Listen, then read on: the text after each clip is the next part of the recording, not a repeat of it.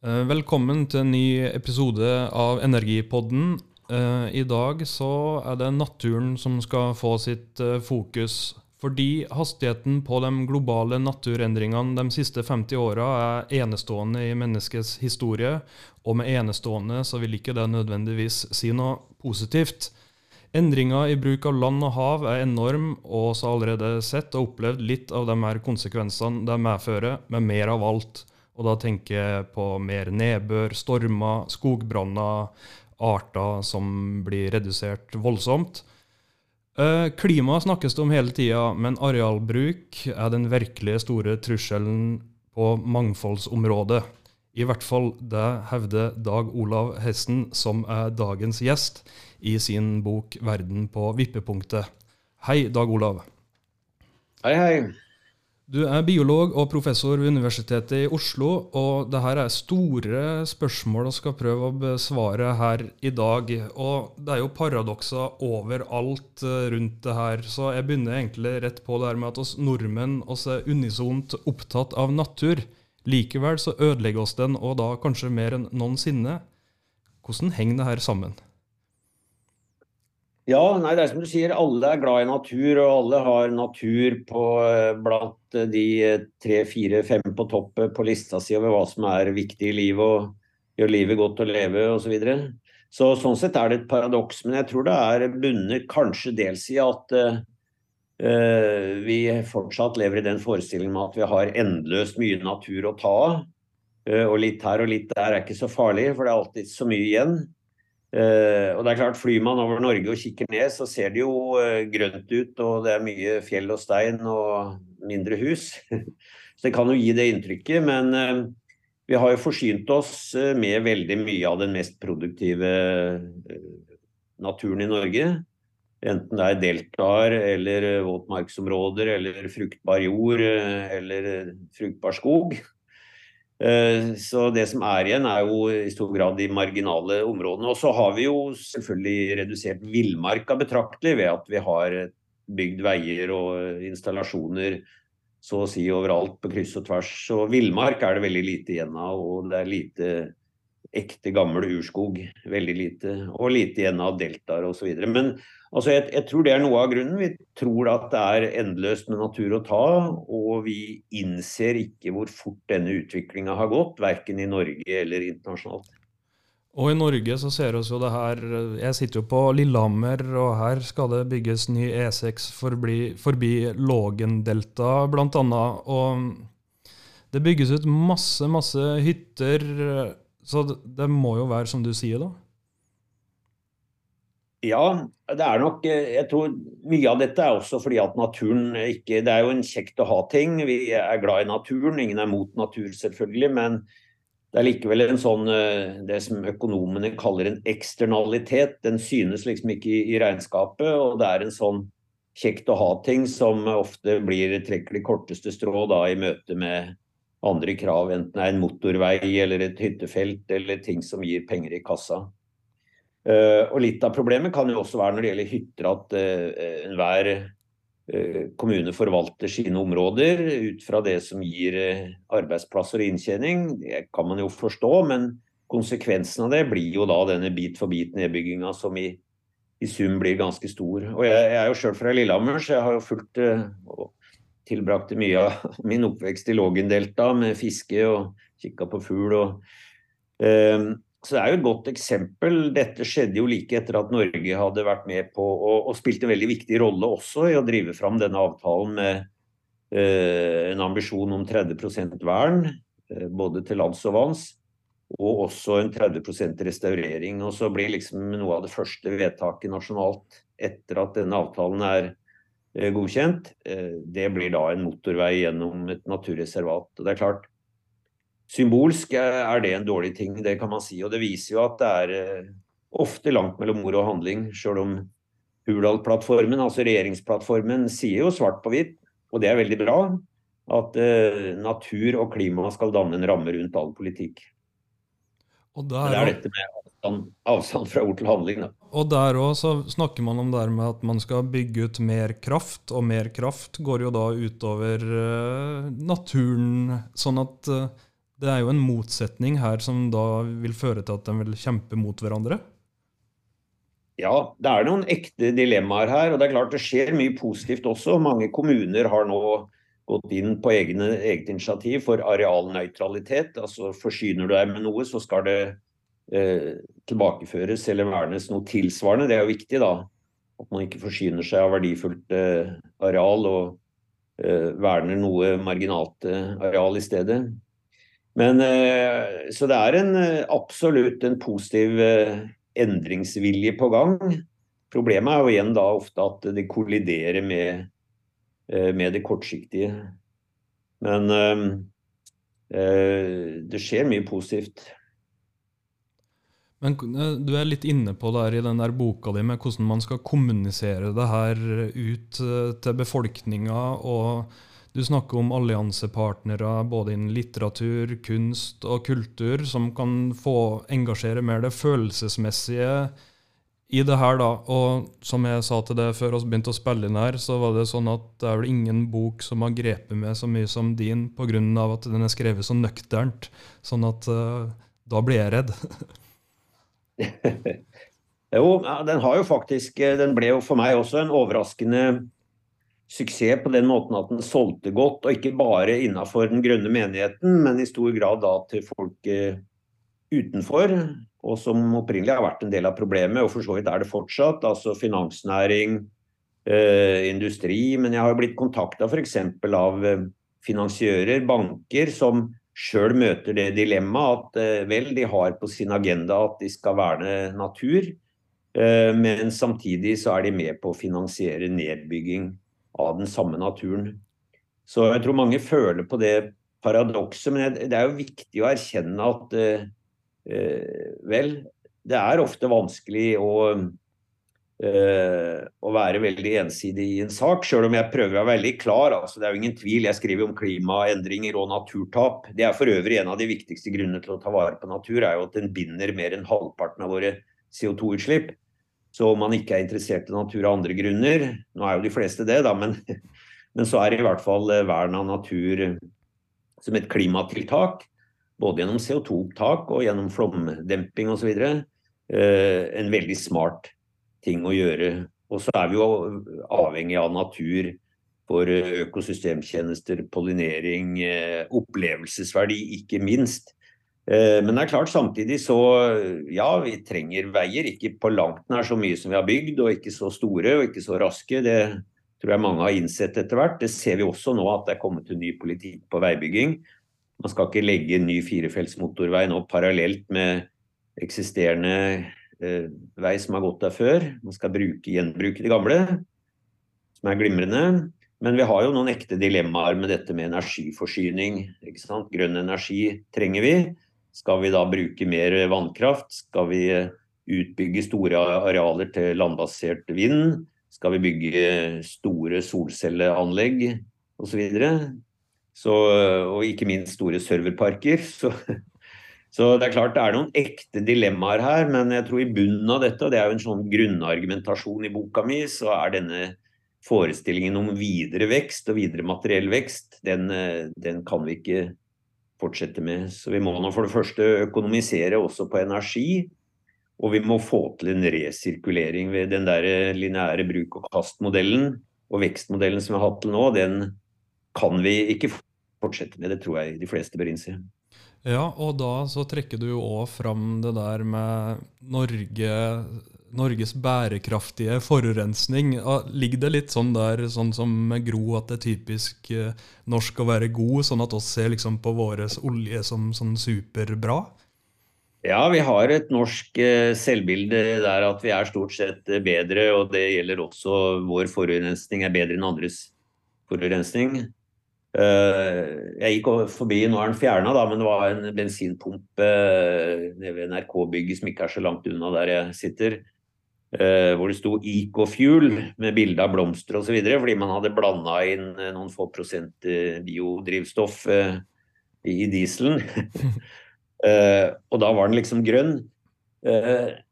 selv om noe er litt mindre ille enn alternativet, så betyr det jo ikke at det er grønt. Men i Norge er også et argument med at vår oljeutvinning og gassutvinning, særlig olje, da er bedre enn andres. Og den blir det i hvert fall hvis vi nå får til en elektrifisering av, av sokkelen. Uh, fordi utvinningsprosessen gir færre eller mindre utslipp. Så det er jo etter mitt skjønn en tilsnikelse, fordi at ja, det er bra å få bukt med utslippene fra sokkelen, men det innebærer jo at man kan bruke dette som et grønnvaskingsargument også. For norsk olje når den brennes utenlands, og det er jo der det meste av oljen går, så er den ikke spesielt mye mer miljøvennlig enn alle annen olje. Så, og nordmenn er jo forbausende klimaskeptiske. Jeg vet ikke helt hvorfor, men jeg tror kanskje vi føler oss litt sånn usårlig her i nord. Alt livet er syrefaste, ikke sant. Ingenting kan egentlig ramme oss. Uh, og så tror jeg også vi, vi oppfattes som en grønn foregangsnasjon. Kanskje det er en arv fra Brundtland-kommisjonen, det tror jeg nok i, i, noen grad. Og Selv om det grønne ryktet begynner å få litt eh, frynsete kanter, så er det fortsatt mange som tenker at Norge er en grønn foregangsnasjon. Og det er jo noe vi bør ta seriøst, altså både når det gjelder egen natur og, og klima. Men Norge er jo flinke, da, la oss si det. Vi er, vi er, flinke både til å få inn internasjonale avtaler, det skal vi ha ros for. Og vi gjør også en del riktige ting ved å eh, verne uh, regnskog, bevilger milliarder til vern av regnskog, som er veldig viktig og riktig. Og også verner da selvfølgelig indirekte masse biologisk mangfold og levested for urbefolkning. Samtidig er vi påfallende lite flinke til å verne egen natur. Og ikke minst nå i det siste forslaget til statsbudsjett ser vi at 170 millioner til frivillig vern av, av skog eh, ble fjerna. Det er jo etter mitt skjønn absurd. Ja, når den der boka di så starter liksom på en måte med klimastreikende ungdom 2019, eh, Greta Thunberg, og det ble snakka om en grønn bølge. Og det var jo ikke spesielt lyst der skolevalget i 2023, når unge Høyres leder går ut og sier at uh, generasjonen Greta Thunberg er død. Er liksom Blir oss menneskene fort lei av nyheter, sånn at vi kanskje blir mett venta på det og vil liksom bare avvise det? Eller hvordan tror du det her henger sammen? Ja, jeg tror det er mye psykologi i dette, og det skriver jeg også om i, i denne boka. at uh, og Det er også det som gjør det litt vanskelig. Det er ikke nødvendigvis vond vilje, men det er det at uh, Og veldig mange sier at uh, de er bekymra for klima, selv om vi ser at bekymringen for klima er avtagende. Så er det klart både tap av natur og, og klimaendringer er jo viktig for de fleste. Men så er spørsmålet da ja, hva så? Skal, angår dette meg? Der tror jeg flere mekanismer som spiller inn. Det ene er jo at uh, vi føler at uh, ja, det betyr ikke noe hva jeg gjør nå. Uh, og det er jo i og for seg riktig sånn isolert sett at det betyr det er ikke målbart hva et enkeltindivid gjør, stort sett. med unntak av noen veldig superrike her i verden som forbruker like mye som en hel by. Men det andre er jo at hvis alle tenker sånn, så skjer jo ingenting.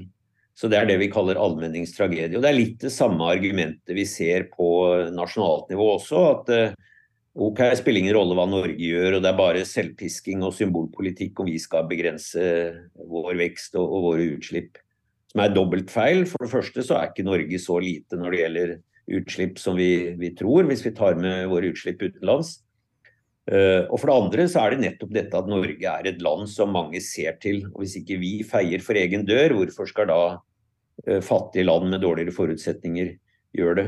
Men så tror jeg også, som du sier, altså at ja, folk går litt lei, og man oppfatter dette som litt sånn eh, moralsk eller moralistisk prektighet, og vi må leve så snusfornuftig, og vi skal ikke spise kjøtt, og vi skal ikke reise, og ikke sant. Så det blir litt sånn eh, festbrems, eh, dette snakket, og det vil jo folk eh, ikke ha. Og, eh, og, særlig de unge kanskje føler at ja, nå er det nok med dette gnålet. Og vi ser vel en ungdomsgenerasjon som kanskje er mer opptatt av, av seg selv og sitt. Eh, skjønt det gjelder jo ikke bare de unge. altså Det jo, det viste jo også valget, for øvrig også forrige stortingsvalg, at eh, vel, vi er oss selv og vår egen lommebok nærmest når det kommer til stykket. Men jeg tror det er viktig at man eh, selger inn, da, som det gjerne heter, dette budskapet som noe positivt også. Hvis det bare blir sånn festbrems og, og traurig og moralistisk snakk, så er det klart det er ikke motiverende. Så poenget er jo at for det første er dette viktig. Vi, vi må uansett til en annen framtid. Det, det, er ganske åpenbart. Og at det skal ikke være noe sånn kjip og traurig hverdag hvor vi sitter inne og fryser og spiser kald havregrøt, men en ny, kul hverdag hvor vi kanskje har litt bedre tid til å gjøre de tingene vi har mer lyst til. Vi behøver kanskje ikke å kjøpe riktig så mye, det, det bør vi definitivt ikke. Men vi kan rett og slett eh, putte inn litt mer kvalitet, også livs Eh. Og selvfølgelig kan vi ha ny smart teknologi, og verden skal utvikle seg videre. Vi skal ikke tilbake. Men at vi klarer å tegne opp en slags mål for samfunnet og en visjon om en framtid hvor vi har lyst til å være. Ikke en hvor vi motvillig må slepe beina etter oss uh, inn i. Han eh, kollega av det, Thomas Hylland Eriksen, snakka litt om det der rundt det der med covid-perioden, der ting roa seg ned, og det viste at oss mennesker klarer faktisk å endre oss. og For eget vedkommende så kjente jeg jo på det her med at jeg fikk en mer ro, da, ut av at det var mye mindre stress, og familien ble mer samla igjen, på en måte. Mm. Ja. Eh, nei, Thomas og jeg har snakka mye om det, dette. og også skrevet om det. Og jeg tror mange har gjort den erfaringa at under pandemien så oppdaga vi at eh, ja, folk dro ut eh, i, i nærområdene og sov i hengekøye, fikk mer ro i livet sitt, som du sier var mer sammen med barna og familien. Og vi skjønte at gresset var ikke nødvendigvis grønnere i Spania enn i Norge, kanskje tvert imot. Og at man fikk mer ro i livet sitt, og rett og slett mer livskvalitet. Så jeg tror veldig mange opplevde det som positivt. Men så er det jo dette at eh, vi fanges liksom av karusellen da når det åpner opp igjen. Eh, og er tilbake på tredemølla og løper fortere enn noen gang. Men igjen, altså, det, jeg tror det vi fikk en smakebit på under pandemien, litt sånn påtvunget, da, men det var eh, noe som for mange opplevdes som en, en bedre livskvalitet. Og jeg, tror, jeg vet mange sa til seg sjøl at oi, ja, dette skal vi jammen fortsette med, og dette skal vi gjøre mer av. Men sånn har det jo ikke blitt, da. Og da må jeg gå litt over til den der med den sjette masseutryddelsen av arter. Eh, noen påstår at den pågår, og det globale økosystemet går mot et sammenbrudd. Gjør den det, eh, Dag Olav, eller er det sånn bare eh, skremselspropaganda? Ja, nei, Jeg vil ikke si det er skremselspropaganda, men noe økosystemkollaps som sådan. Altså Planeten vil klare seg og det vil menneskeheten også, men det er klart vi må ha større ambisjoner enn en bare å overleve. Og helt bra kan det ikke gå, det er allerede kommet langt til det, både når det gjelder klima og, og naturtap. Men vi er foreløpig veldig langt unna en sjette masseutryddelse. Men samtidig er utryddingstakten selvfølgelig så langt det er mulig å måle den, og det er ikke så lett. Den er mye høyere enn det man kan kalle en naturlig, da, i den grad det er mulig å snakke om noen naturlig utdøing. Men kanskje mer oppsiktsvekkende og viktigere er jo nedgang i dyrebestander. For så vidt også planter, men man har mer, bedre tall på dyr.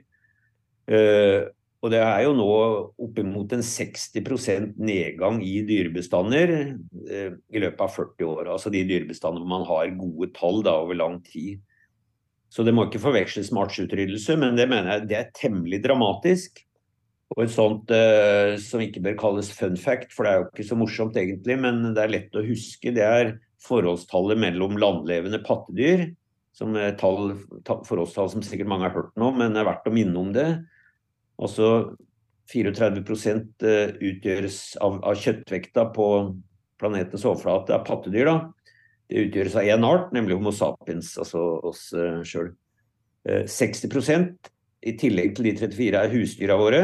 Og det som da er igjen til ville dyr fra mus til elefant, det er 4% Så sånne tall sier jo noe om hvor dramatisk vi har breia oss på denne planeten og lagt arealer under oss, og dels også overutnytta og overfiska og beskatta bestander. Så, det er klart, På litt sikt så kan vi ikke fortsette med dette uten at det også gir eh, utryddelse. Så Problemet i dag er jo at mange bestander lever litt sånn på vår nåde i små, isolerte bestander. Og de er jo sårbare da for, eh, for, en, eh, for at de skal forsvinne. Og hvis det er den eneste gjenværende bestanden av arten, så er jo arten også borte da. Og da, hvis en art forsvinner, en vet vel ikke nødvendigvis følgene for andre arter når noe sånt skjer heller? Nei, ofte så er det ikke så dramatiske konsekvenser, for naturen er mer robust enn vi ofte tror. Eh, men noen eh, Vi vet jo ikke, fordi noen arter er nøkkelarter, og det ser vi at ofte får vi uventa sånne kaskadeeffekter av at ikke bare at arter forsvinner, men at det blir veldig mye mindre, eventuelt veldig mye mer av de, som også skjer fordi vi nå en gang tukler så voldsomt med naturen. Men uh, i tillegg til dette så er det jo dette moralske argumentet, som jo også ligger nedfelt i lover og konvensjoner, at uh, arter har en egenverdi, så vi har ikke noen rett til å utrydde arter. Uh, og det tror jeg er viktig. Altså, vi, det er en slags Det er alltid vanskelig å, å mm, liksom være konkret rundt naturens egenverdi, men det er jo et akseptert prinsipp dette at uh, arter har jo en verdi uavhengig av nytteverdi for oss. Uh, og Det syns jeg er viktig å fastholde. Og så I boka di så trekker du fram ulike arter der man har gått inn for å ha prøvd å berge dem, og der man ikke nødvendigvis uh, får ønska resultat òg, for man vet jo ikke hva som vil skje før etterpå. Jeg tenker da bl.a. på en sjøstjerne, som du trekker fram i boka. Ja, det er sånne klassiske eksempler på sånne kaskadeeffekter hvor man fjerner en art eller setter ut en art, og så plutselig så ser man at, de har, at det har enorme konsekvenser. Altså Sjøstjerner og kråkeboller langs norskekysten er jo et eksempel. Nå var ikke dette, dette et sånn klassisk lærebokeksempel fra USA, men for å eh, ta et norsk eksempel, så er det jo sånn at eh, vel, når det blir mindre av eh, f.eks. steinbitt eller store fiskearter eller ja, dyr som spiser kråkeboller.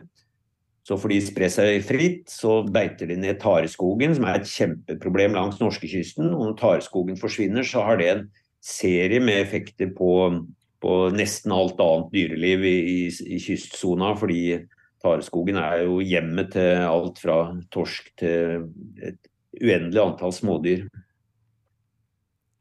Så i hele tatt, altså det å fjerne ofte de dyra som er på toppen av næringskjeder, har en sånn eh, kaskadeeffekt, altså en sånn dominoeffekt som forplanter seg eh, nedover i næringskjeden på måter som er eh, ofte veldig overraskende og vanskelig å forutse.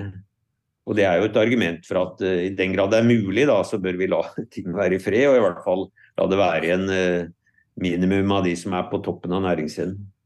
Vi har jo hørt litt i mediene rundt det der med bien. Den er jo ganske liten, men den har vel en voldsom effekt hvis den skulle forsvinne? Ja, altså biene er et godt eksempel, fordi, og, og humler også, som for så vidt hører med til biene. Eh, fordi det er insekter som folk liker. Humlene er jo godslige, ikke sant. Og, eh, men eh, når det gjaldt bier, så så man lenge på, folk flest i hvert fall, på noe Det var noe som surra rundt og lagde litt honning.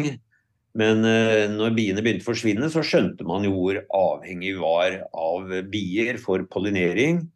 Eh, og at veldig mye av verdens matvareproduksjon er jo avhengig av insektpollinering. Ikke bare av bier, eh, men mange andre arter også. Derfor er det jo et problem når biene og mange andre insekter om ikke forsvinner, så i hvert fall blir veldig mye mer fåtallig. Så vi ser jo globalt en nedgang i i bestanden av insekter. og Det har nok mange årsaker. Kanskje er det sprøytemidler i landbruket, men i stor grad er det også arealinngrep her også. Altså En sånn monokultur kornåker er ikke spesielt Det er som en ørken ikke sant, for, for biologisk mangfold. Um, så har det enorme kaskadeeffekter på fugleliv og, og, veldig mye annet. Og ikke minst også på planteliv da, og, og plantemangfold. Eh, på samme måte hvis plantemangfoldet forsvinner, så blir det jo selvfølgelig mindre av de pollinerende insektene også. Så dette, dette, henger sammen. Og det er ofte ikke så store grep man behøver å gjøre. Altså Man kan godt beholde kornåkeren, det må vi jo. Men uh, vi kan la det stå igjen noen restarealer, åpne noen bekker, la det være en litt kantvegetasjon. kanskje plante noen områder med, med villblomster, så kan det være nok til å opprettholde en, en rimelig bra bestand.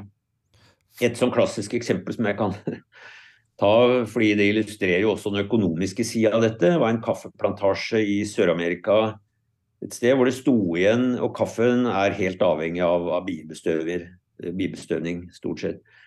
Um, og så vil man fjerne da et siste restareal med, med, urskog som sto igjen der, for å utvide kaffeplantasjen.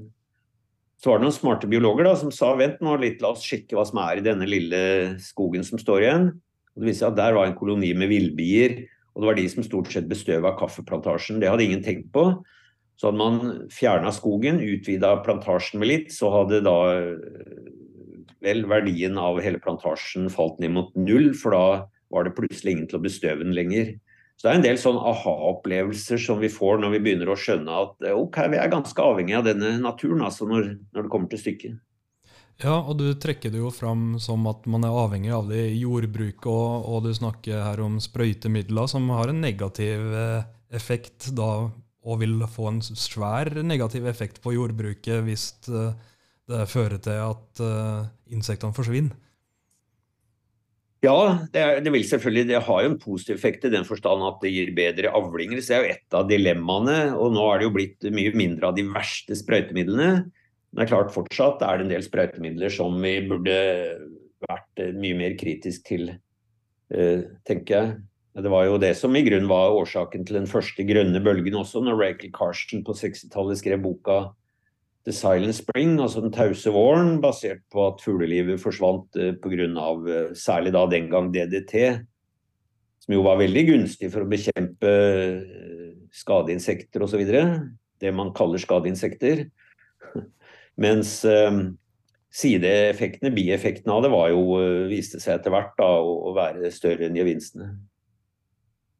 Så det ble forbudt, og, og bra er det. Og fosfor er en annen ressurs eh, som det ser ut som oss vil gå tom for, som oss er helt avhengig av. Er det en krise i anmarsj her òg? Det kan være det. Fosfor har vært veldig opptatt av sjøl. Det er et av de elementene jeg har brukt mye tid på å studere. Fordi det er et nøkkelelement for alt liv. Vi kan ikke tenke oss liv sånn som vi kjenner det uten fosfor, for det er det som inngår i DNA-et vårt og i energiprosessene i cellene, og også i en del fettstoffer i cellemembraner. Og det finnes ikke noe stoff som kan erstatte fosfor. Så selv om vi ikke har mye fosfor i kroppen, kanskje bare 1-2 og plantene har enda mindre, så er vi dønn avhengig av det. Det kan altså ikke byttes ut.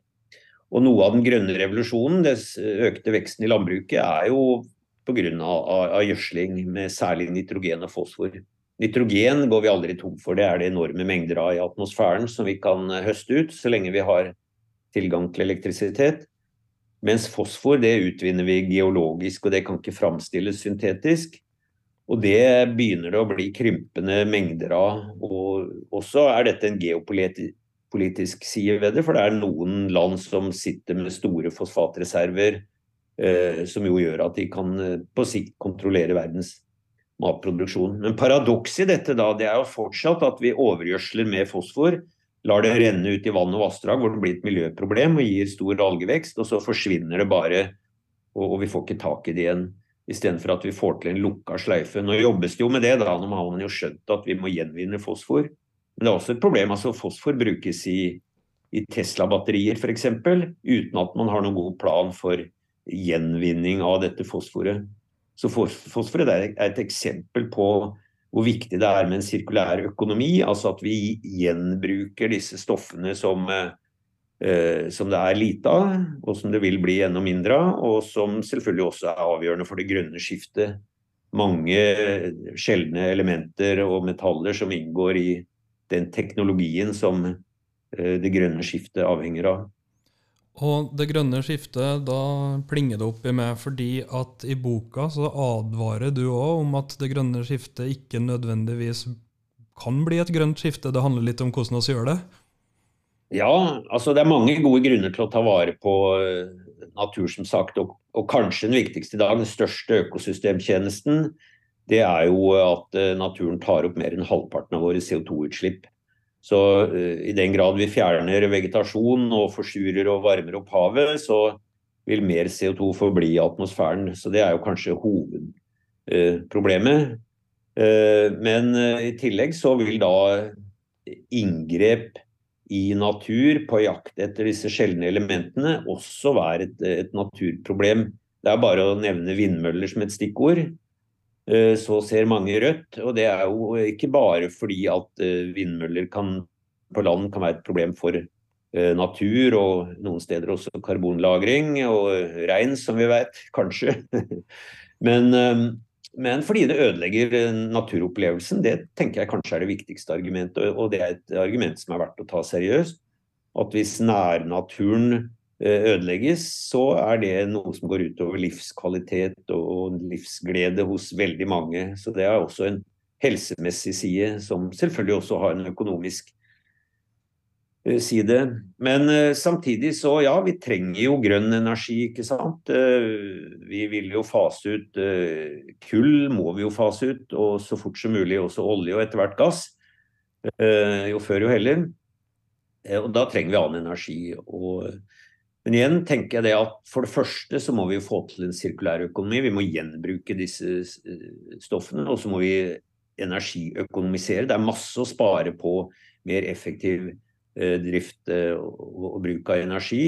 Og Vi så jo det når strømprisene var på det høyeste. Så ble vi jo tvunget til å økonomisere også hjemme, og det fikk vi til uten at det var dramatisk eh, for, for noen, tror jeg. Og,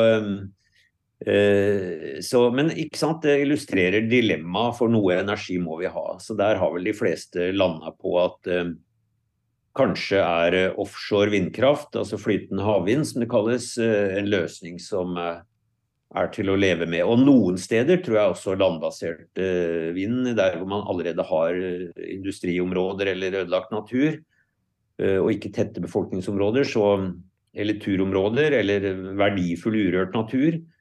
Den bør forbli urørt, men noen steder kan man også ha utbygge tror jeg, med, med, landbasert vind. Men det understreker dilemmaene, og det understreker altså nødvendigheten at vi tenker nytt og kritisk om hvor mye vekst vi kan og skal ha, og hvor mye energi vi kan belage oss på å bruke. Og det kan ikke vokse inn i himmelen, det, det treet der heller. Og det treet der, det, henger, det virker som det henger så tett sammen, det er klima, naturtap og befolkningsvekst. Da. Det er de tre pilarene som er sikkert grunnen eh, til at vi er der vi er i dag. da. Ja, det gjør det, og det tror jeg benytter alle anledninger til å peke hvor tett sammenkobla natur og klima er, av grunner som vi har vært inne på. Men også selvsagt har det sammenheng med at vi blir stadig flere på denne planeten, og vi forbruker mer per individ og spesielt vi i den vestlige verden, da. Og dette innebærer jo egentlig at vi, vi forbruker allerede et par planeter, ikke sant. Så vi låner ikke, men vi stjeler fra kommende generasjoner. Så det er et stort moralsk eh, problem her. Uh, og det andre er jo denne skjevfordelingen. At uh, de, eller la oss si vi, da, som bruker mest og er mest skyld i problemene, er de som betaler i minst grad prisen. Mens mange fattige land har jo allerede klimaproblemene eh, opp til halsen. Nesten bokstavelig talt, da, der havet stiger. Ja. Så eh, dette er også aspekter vi er nødt til å ha med i, i diskusjonen, og som gjør at vi kan ikke fortsette som før. Det som er vanskeligst å regulere, det er selvfølgelig verdens eh, befolkningsvekst. Men den er, nok, den er jo i ferd med å flate ut, og kanskje flater den ut eh, før de 10,5 milliard. Det er jo likevel altfor mange, men, men, som FN eh, har anslått at vi vil bli før det stabiliseres. Kanskje blir vi bare i anførselstegn da ni til 9-10. Og kanskje på sikt vil befolkningsveksten ikke bare stagnere, men at befolkningen vil avta. Og det er jo egentlig ingen ulykke, men igjen ser vi at det er et dilemma. fordi eh, i Norge og mange andre vestlige land oppfordres vi jo til å få flere barn for å uh, holde eldrebølgen uh, med pensjon. Så, Men eh, totalt sett så er vi Det vil nok bli en overgang nå som kanskje er litt trøblete, men eh, det vil være en overgang til en planet eh, som er bærekraftig. Og det er jo en overgang vi uansett må til. Så det er ikke noe vits å slippe beina etter seg her heller. Vi kan ta den overgangen så fort som mulig, for da blir også prisen lavere enn den blir hvis vi venter og venter og venter. Du har så vidt vært innom det her med monokultur, og så snakka om det her med jordbruk. Eh, men gjengroing i Norge, det er ikke nødvendigvis bra det er der? Nei da, og jeg tenker at uh, altså utmarksbeite på gammelt beiteland er ikke noen uh, Det er jo en god bruk av utmarksressurser. Uh, og det er også gunstig for biologisk mangfold ofte, sånn som de gamle slåttengene også var. Så jeg syns det er en bra bruk. Nå behøver vi ikke å fylle all utmark med beitedyr. Eh, og det skaper jo andre problemer også i forhold til konflikter med rovdyr osv. Men at vi kan bruke utmarksressursene bedre, det er også bra for dyrevelferd. For det er klart at eh, det er et problem å ha store, avanserte pattedyr innesperra på en bås. Selv om man får løsdrift og de får ligge på madrasser osv., så, videre, så er det klart man frarøver da dyra en, en livsopplevelse som eh, de får ved å gå på beite. Så også velferdsmessig er det eh, bra for dyra, og det hindrer jo gjengroing. Um, det er klart, Dette er jo et argument som tar utgangspunkt i det landskapet vi liker. Vi er jo glad i kulturlandskapet og ønsker liksom et, et variert, eh, åpent eh, kulturlandskap og spredt bosetting. Men jeg mener det er et legitimt argument. altså. Det er like legitimt som å si at vi ikke ønsker vindmøller eller svære kraftgater i urørt natur, fordi det ødelegger opplevelsesverdien. Og det er en type argumentasjon som eh, ja, kanskje vel noen vil mene er irrasjonell, men det er nå engang sånn vi oppfatter det. Og da tenker jeg at det er et argument som er uh, verdt å legge vekt på, det òg. Norge har vel noe sånt som 3% av arealet via til landbruk, og Tyskland 40 uh, Handler det liksom om de ulike mulighetene vi har i vår natur, eller er det andre faktorer der? Ja, altså I Norge bør vi i hvert fall ikke bygge ned mer dyrpart areal, selv om vi stadig fortsetter med det. ikke sant? Kjøpesentre på fullgod mark, eh, svære veier som pleier seg gjennom landskapet, og veldig ofte i, i jordbrukslandskapet. Så det er klart, den, den, type ting må vi jo slutte med med de små landbruksarealene vi har. Men et annet lærdom av dette er jo at eh, globalt sett er jo landjorda på mange måter brukt opp. Det er jo derfor vi ser nedgang i dyrebestander, og det er også en bidrag til klimagassutslipp og, og redusert klimagassopptak, ikke minst. Eh, så vi, det vi må gjøre i Norge, det er jo å bruke havet mer på en fornuftig måte. Og jeg tenker at hvis vi kan hente mer næring lenger ned i næringskjedene, så er det liksom noe av det første vi lærer biologistudentene. At en sånn trofisk pyramide, som vi kaller det, det den har en pyramideform nettopp fordi at det som er lenger ned i næringskjedene, det er det mer av. Så det å høste på toppen av pyramiden er ikke noen smart idé. Men det er klart, vi, hvis vi begynner å høste av eh, krill og hoppekreps og for så vidt eh, tang og tare, så må vi gjøre det på en bærekraftig måte og ikke drive med eh, bunnskraping. Eh, ja, og for, øvrig, det er jo også et uh, dilemma som seiler opp nå. Skal vi ha gruvedrift på, på havbunnen? mm -hmm. Ikke tror det er noen særlig god idé. Jeg har tenkt litt på det rundt det der. Også. I Sverige så ser en jo at de har jo sentralisert mye mer enn oss i Norge. Vi bor jo spredt overalt. Er det smart å sentralisere, eller er liksom hva, Hvordan ligger det der? Ja, det er jo en, et, et, av de mange svarene som ikke har noe helt eh, klart svar. fordi at hvis du sentraliserer, så kan du si at da blir det igjen mer til villmarka i, i, resten av eh, landet. Du bruker også mindre på veier og samferdsel.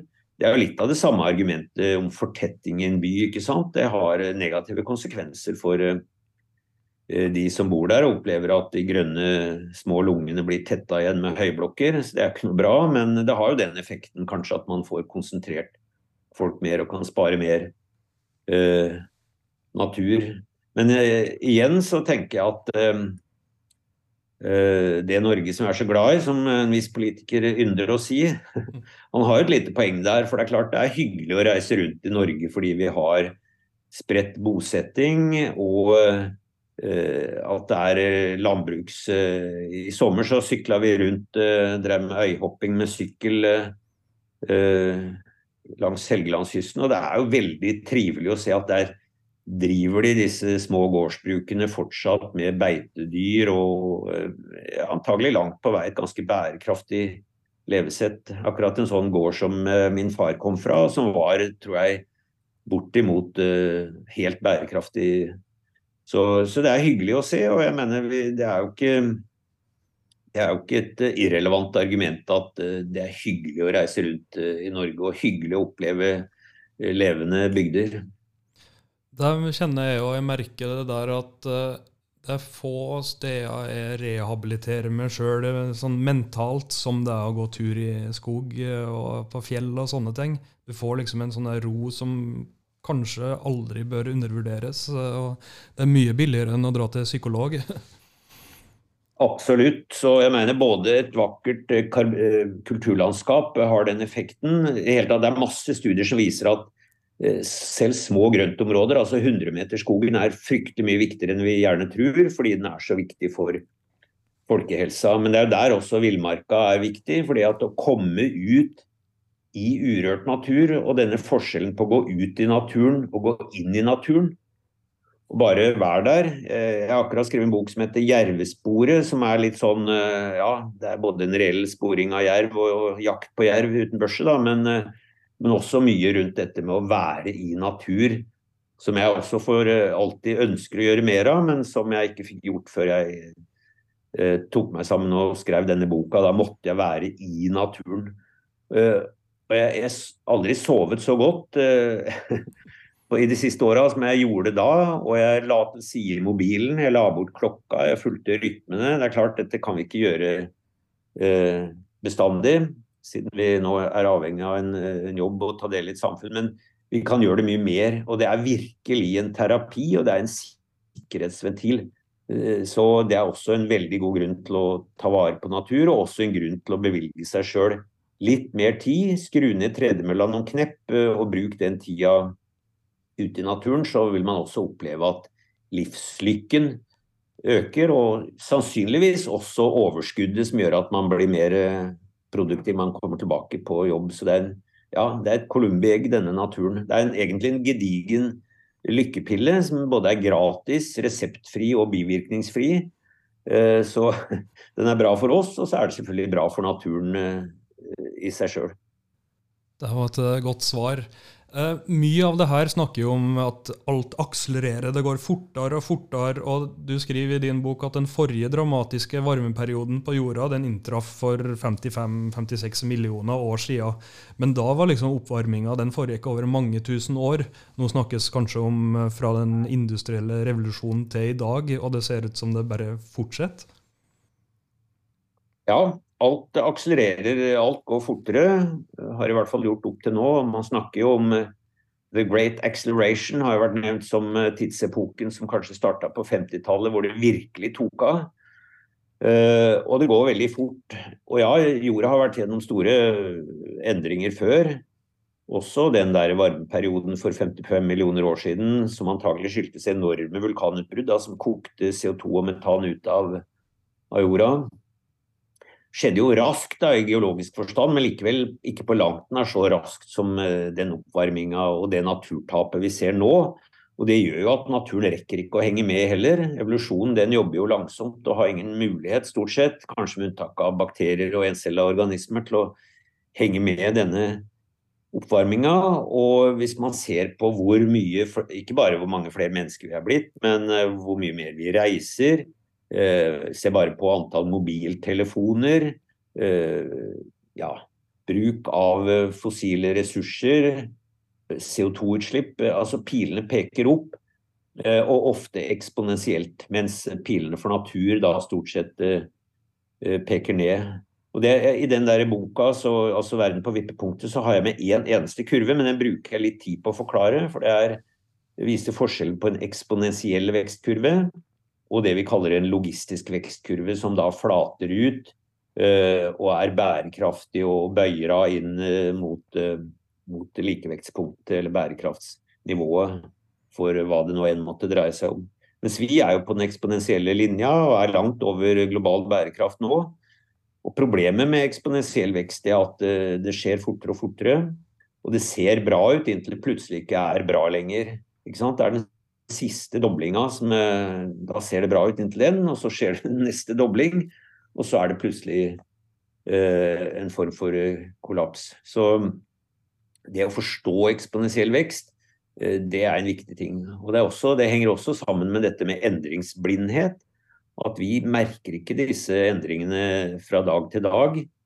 Eh, men hvis vi ser på bilder 100 år tilbake i tid, eller bare noen tiår, så ser vi hvordan landskapet har endra seg. Og ser vi på eh, folketall eller ja, natur, eller klimagasskonsentrasjon for den saks skyld, noen tiår tilbake, så innser vi plutselig hvor dramatisk raskt dette har skjedd. Jeg fikk en litt sånn tanke i hodet mitt. Eh, jeg fikk ikke den der gode, gamle REM-låta 'It's the end of the world as we know it and I feel fine' ut av hodet mitt. Den gikk og surra og gikk hele tida mens jeg leste den der boka di. Ironisk nok på ferie. Um, nå har vi kjent til det her, og det har blitt advart mot det i godt over 100 år. Ulike referanser du viser til i boka di, og du er jo en av dem som er kanskje de mest kjente personene i Norge som snakker rundt det her.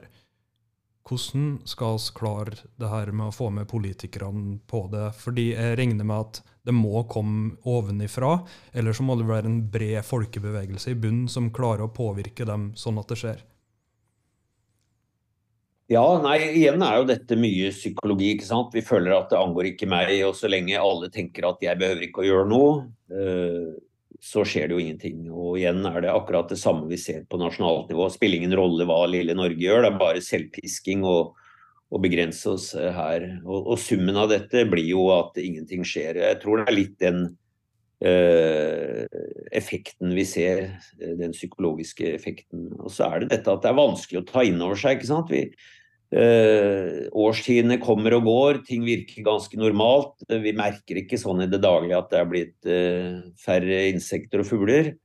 igjen da denne endringsblindheten.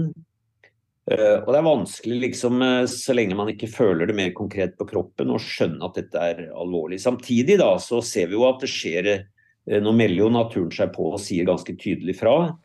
2019 eh, var et sånn oppvåkningsår. Jeg tror denne sommeren eller dette året har vært i enda større grad.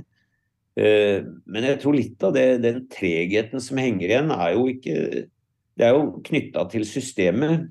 Vi har et system som er rigga på, på, vekst, og det har jo vært en suksess eh, og en riktig ting å gjøre fra fattigdommen og opp til dit vi er i dag.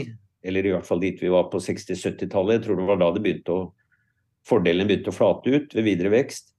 Men det har gitt oss bedre liv og lengre liv og bedre helse, og vi fått utdanna og realisert oss selv. Så det har vært en suksessoppskrift. Og det er klart å, å endre eh, hva skal vi si, det sporet, det er vanskelig. Og det er veldig lett å gi folk fordeler, men det er nesten umulig å ta fra folk privilegier og tanken om redusert kjøpekraft. Det er ikke noe politisk eh, gevinst å hente på det, akkurat. Like lite som eh, dyrere strøm. Ehm, så Derfor er dette ikke Det må komme ovenfra og ned, jeg er enig i det. Eh, men det må også være sånn at folk er villige til å være med på det. Eh, og jeg tror ikke det skjer før vi i enda større grad føler det på kroppen. Eh, Norge er jo et land med veldig liten klimaangst. Eller klimaangst bør vi ikke ha, da, men vi er lite opptatt av klima. Klimabekymring bør vi ha. Eh, men vi har lite av det i forhold til mange andre land. Jeg tror det er fordi vi føler oss litt sånn syrefaste her i nord. Men eh, eh, det er tre ting som må spille på lag her. Det ene er jo politikerne som må sette retningslinjer. Det må straffes mer og slippe ut CO2. Det må belønnes mer og være grønn. det må også gis en ny kurs for samfunnet. altså Hvor er det egentlig vi vil? Hva er et godt samfunn? Hva er det vi vil med dette samfunnet og den videre utviklinga? Og så må vi velgere være med på dette, både gjennom valg, fordi vi er så heldige å bo i et demokrati, men også som forbrukere. Og Hvis mange nok er med på det, så er det klart da kan man få til endringer i holdninger og endringer i normer, og for så vidt også endringer i teknologi. For produsentene er jo det tredje leddet her, altså næringsliv og, og finansindustri også, finansnæring, som må være med på det. Men de er ganske raske til å omstille seg, for de gjør det som markedet etterspør. Markedet er som det heter en farlig herre, men kan være en god tjener, og vi må bruke markedet fordi det har vært i, i den gode retning. Men ja, det har skjedd fordømt lite, og vi har ekstremt dårlig tid. Og den blir dårligere og dårligere, og kostnadene ved omstillingen vil øke i takt med at det går for langsomt. Men det skjer jo ting, la meg si det. Det er jo en, er jo en ny forståelse for dette, og en ny giv og en ny vilje. Men det er dette, og, og hvordan får vi det til når hverdagen melder seg på, det er fortsatt vanskelig. Så jeg er vel Eh, ja, jeg er veldig klar på at verden vil klare seg, og menneskeheten vil klare seg. Det er for meg viktig å holde fast ved. Det går ikke rett vest, eller det går ikke utfor stupet, eller det er ikke noe vippepunkt i den forstand at verden kollapser. Eh, og vi må også tenke sånn at vi kan alle bidra, og hver tidels grad vi kan holde temperaturen nede, og hver kvadratkilometer med natur vi kan spare, er en seier. For jeg tror også det er en sånn uh, følelse som mange har, at uh, ja, løpet er kjørt hvis vi passerer 1,5 eller i hvert fall 2 grader. Og det er det jo ikke. Uh, det vil bare bli suksessivt verre. Så, og Sjøl om ingen kan leve perfekt, det gjør slett ikke jeg, men jeg gjør så godt jeg kan. Og hvis alle gjør så godt de kan, så vil det være med på å holde temperaturen og naturtapet nede. Så vi må få en sånn felles eh, dugnad, sånn som vi nettopp fikk til i koronapandemien.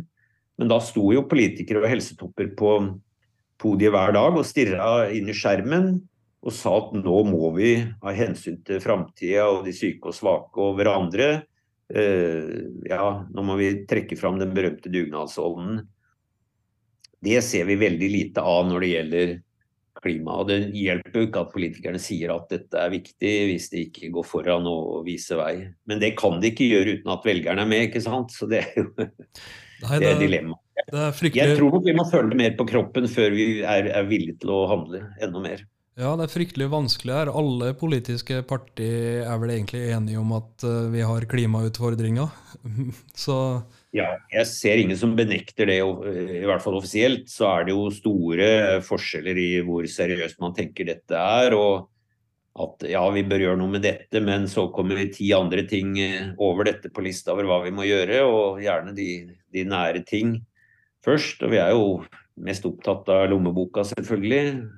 Kanskje forståelig, men, men vi kan ikke bare være opptatt av den. Helt til slutt uh, så tenkte jeg litt det her med at vi snakker om at vi ikke merker de her endringene så godt. Likevel så er det vel sånn at den nordlige halvkule, og da sånn som f.eks. Svalbard, er jo et godt eksempel på dem som har mest endringer, egentlig. Ja, vi skrev akkurat en artikkel hvor vi brukte da 20 år med satellittdata. Eh, og de har jo temperatursensorer også, disse satellittene.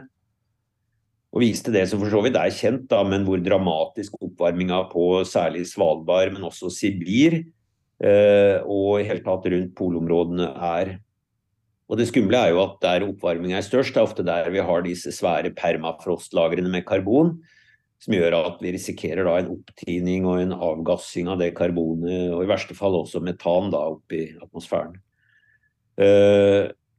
Uh, er klart, Nå bor, jo, bor det ikke mye folk der, så for folk flest så er det jo ikke dette veldig truende. Uh, og de fleste har et veldig vagt forhold til dette med permafrost og det som kan skje der. Men eh, det er klart oppvarmingen er veldig ujevnt fordelt. og Grunnen til at det varmes opp så mye i nord, er jo mye fordi havisen har trukket seg tilbake. Og havet er varmere enn is og fanger mer varme, og det har også en effekt på, på klimaet selvfølgelig i nord. Så det er fortsatt kaldere der enn mange andre steder, men den sommeren vi hadde nå i sist sommer på Svalbard var jo helt absurd. Altså, at du kan gå rundt i shorts og T-skjorte på Svalbard er jo det kan vi snakke om at det er mot normalt. Og det blir mer og mer mot normalt, og flere og flere naturkatastrofer, for de kommer tettere på. Blir oss vant til dem? Ja, ikke sant. Når hundreårsflommen kommer med ti års mellomrom, så blir det en ny virkelighet. Men vi blir jo nødt til å ta hensyn til det som vi allerede ser, da, ved at vi må planlegge annerledes. Vi kan ikke bygge eh, nye boligfelt eh, tett innpå elver som vi veit eh, blir flomstore. Eh, i større grad enn før, og ikke kan vi bygge altfor tett på havet heller, som vil stige. Og ja, apropos Lillehammer. Eh, planen om å bygge en ny bydel eh, ved Strandtorget, som nå lå oversvømt i store deler eh, av flommen etter Hans, viser at man må tenke annerledes både når det gjelder infrastruktur og veier, og også, også boligfelt. Så det er den, den, veldig konkrete delen av det, at vi i tillegg til å sørge for å dempe klimaendringene, også selvfølgelig må drive med klimatilpasning. Og det begynner vi å bli flinke til, da. Har du trua helt til slutt på at vi klarer å snu oss rundt, eller vil det gå for langt før vi virkelig begynner å jobbe med det? Det har jo allerede gått for langt til at det kan gå helt bra, så spørsmålet er jo nå hvor ille det vil bli. Eh, men det som er bra, er at så lenge vi har eh, natur igjen, eh, og nok natur igjen, så vil, når vi får ned en gang kommer ned på nullutslipp, og jo før jo heller, så vil eh, naturen gradvis binde det CO2 og ta opp det. Det skjer både gjennom forvitringsprosesser, det skjer i havet, og ikke minst da gjennom fotosyntesen. Så vi har jo en stor, effektiv eh, gratis CO2-fjerningsmekanisme allerede, nemlig fotosyntesen, så den bør vi ta vare på. Så spørsmålet er jo hvor varmt blir det i mellomtida. Og hvis vi risikerer f.eks. at Amazonas bokstavelig talt går opp i røyk før vi, øh, før vi får nullutslipp, så vil jo det være et skudd for baugen her i restaureringen. For da vil jo for det første et unikt økosystem gå tapt, og veldig mye karbon eh, gå opp i, i atmosfæren. Men jeg har jo tro på at vi klarer å unngå disse verste vippepunktene. Og eh, gjør vi det, så vil jo, eh, litt flåsete sagt, da naturen rydde opp etter festen. Men det vil den bare gjøre hvis vi bevarer naturen, og hvis vi klarer å holde klimaendringene på et nivå som ikke i seg sjøl ødelegger natur.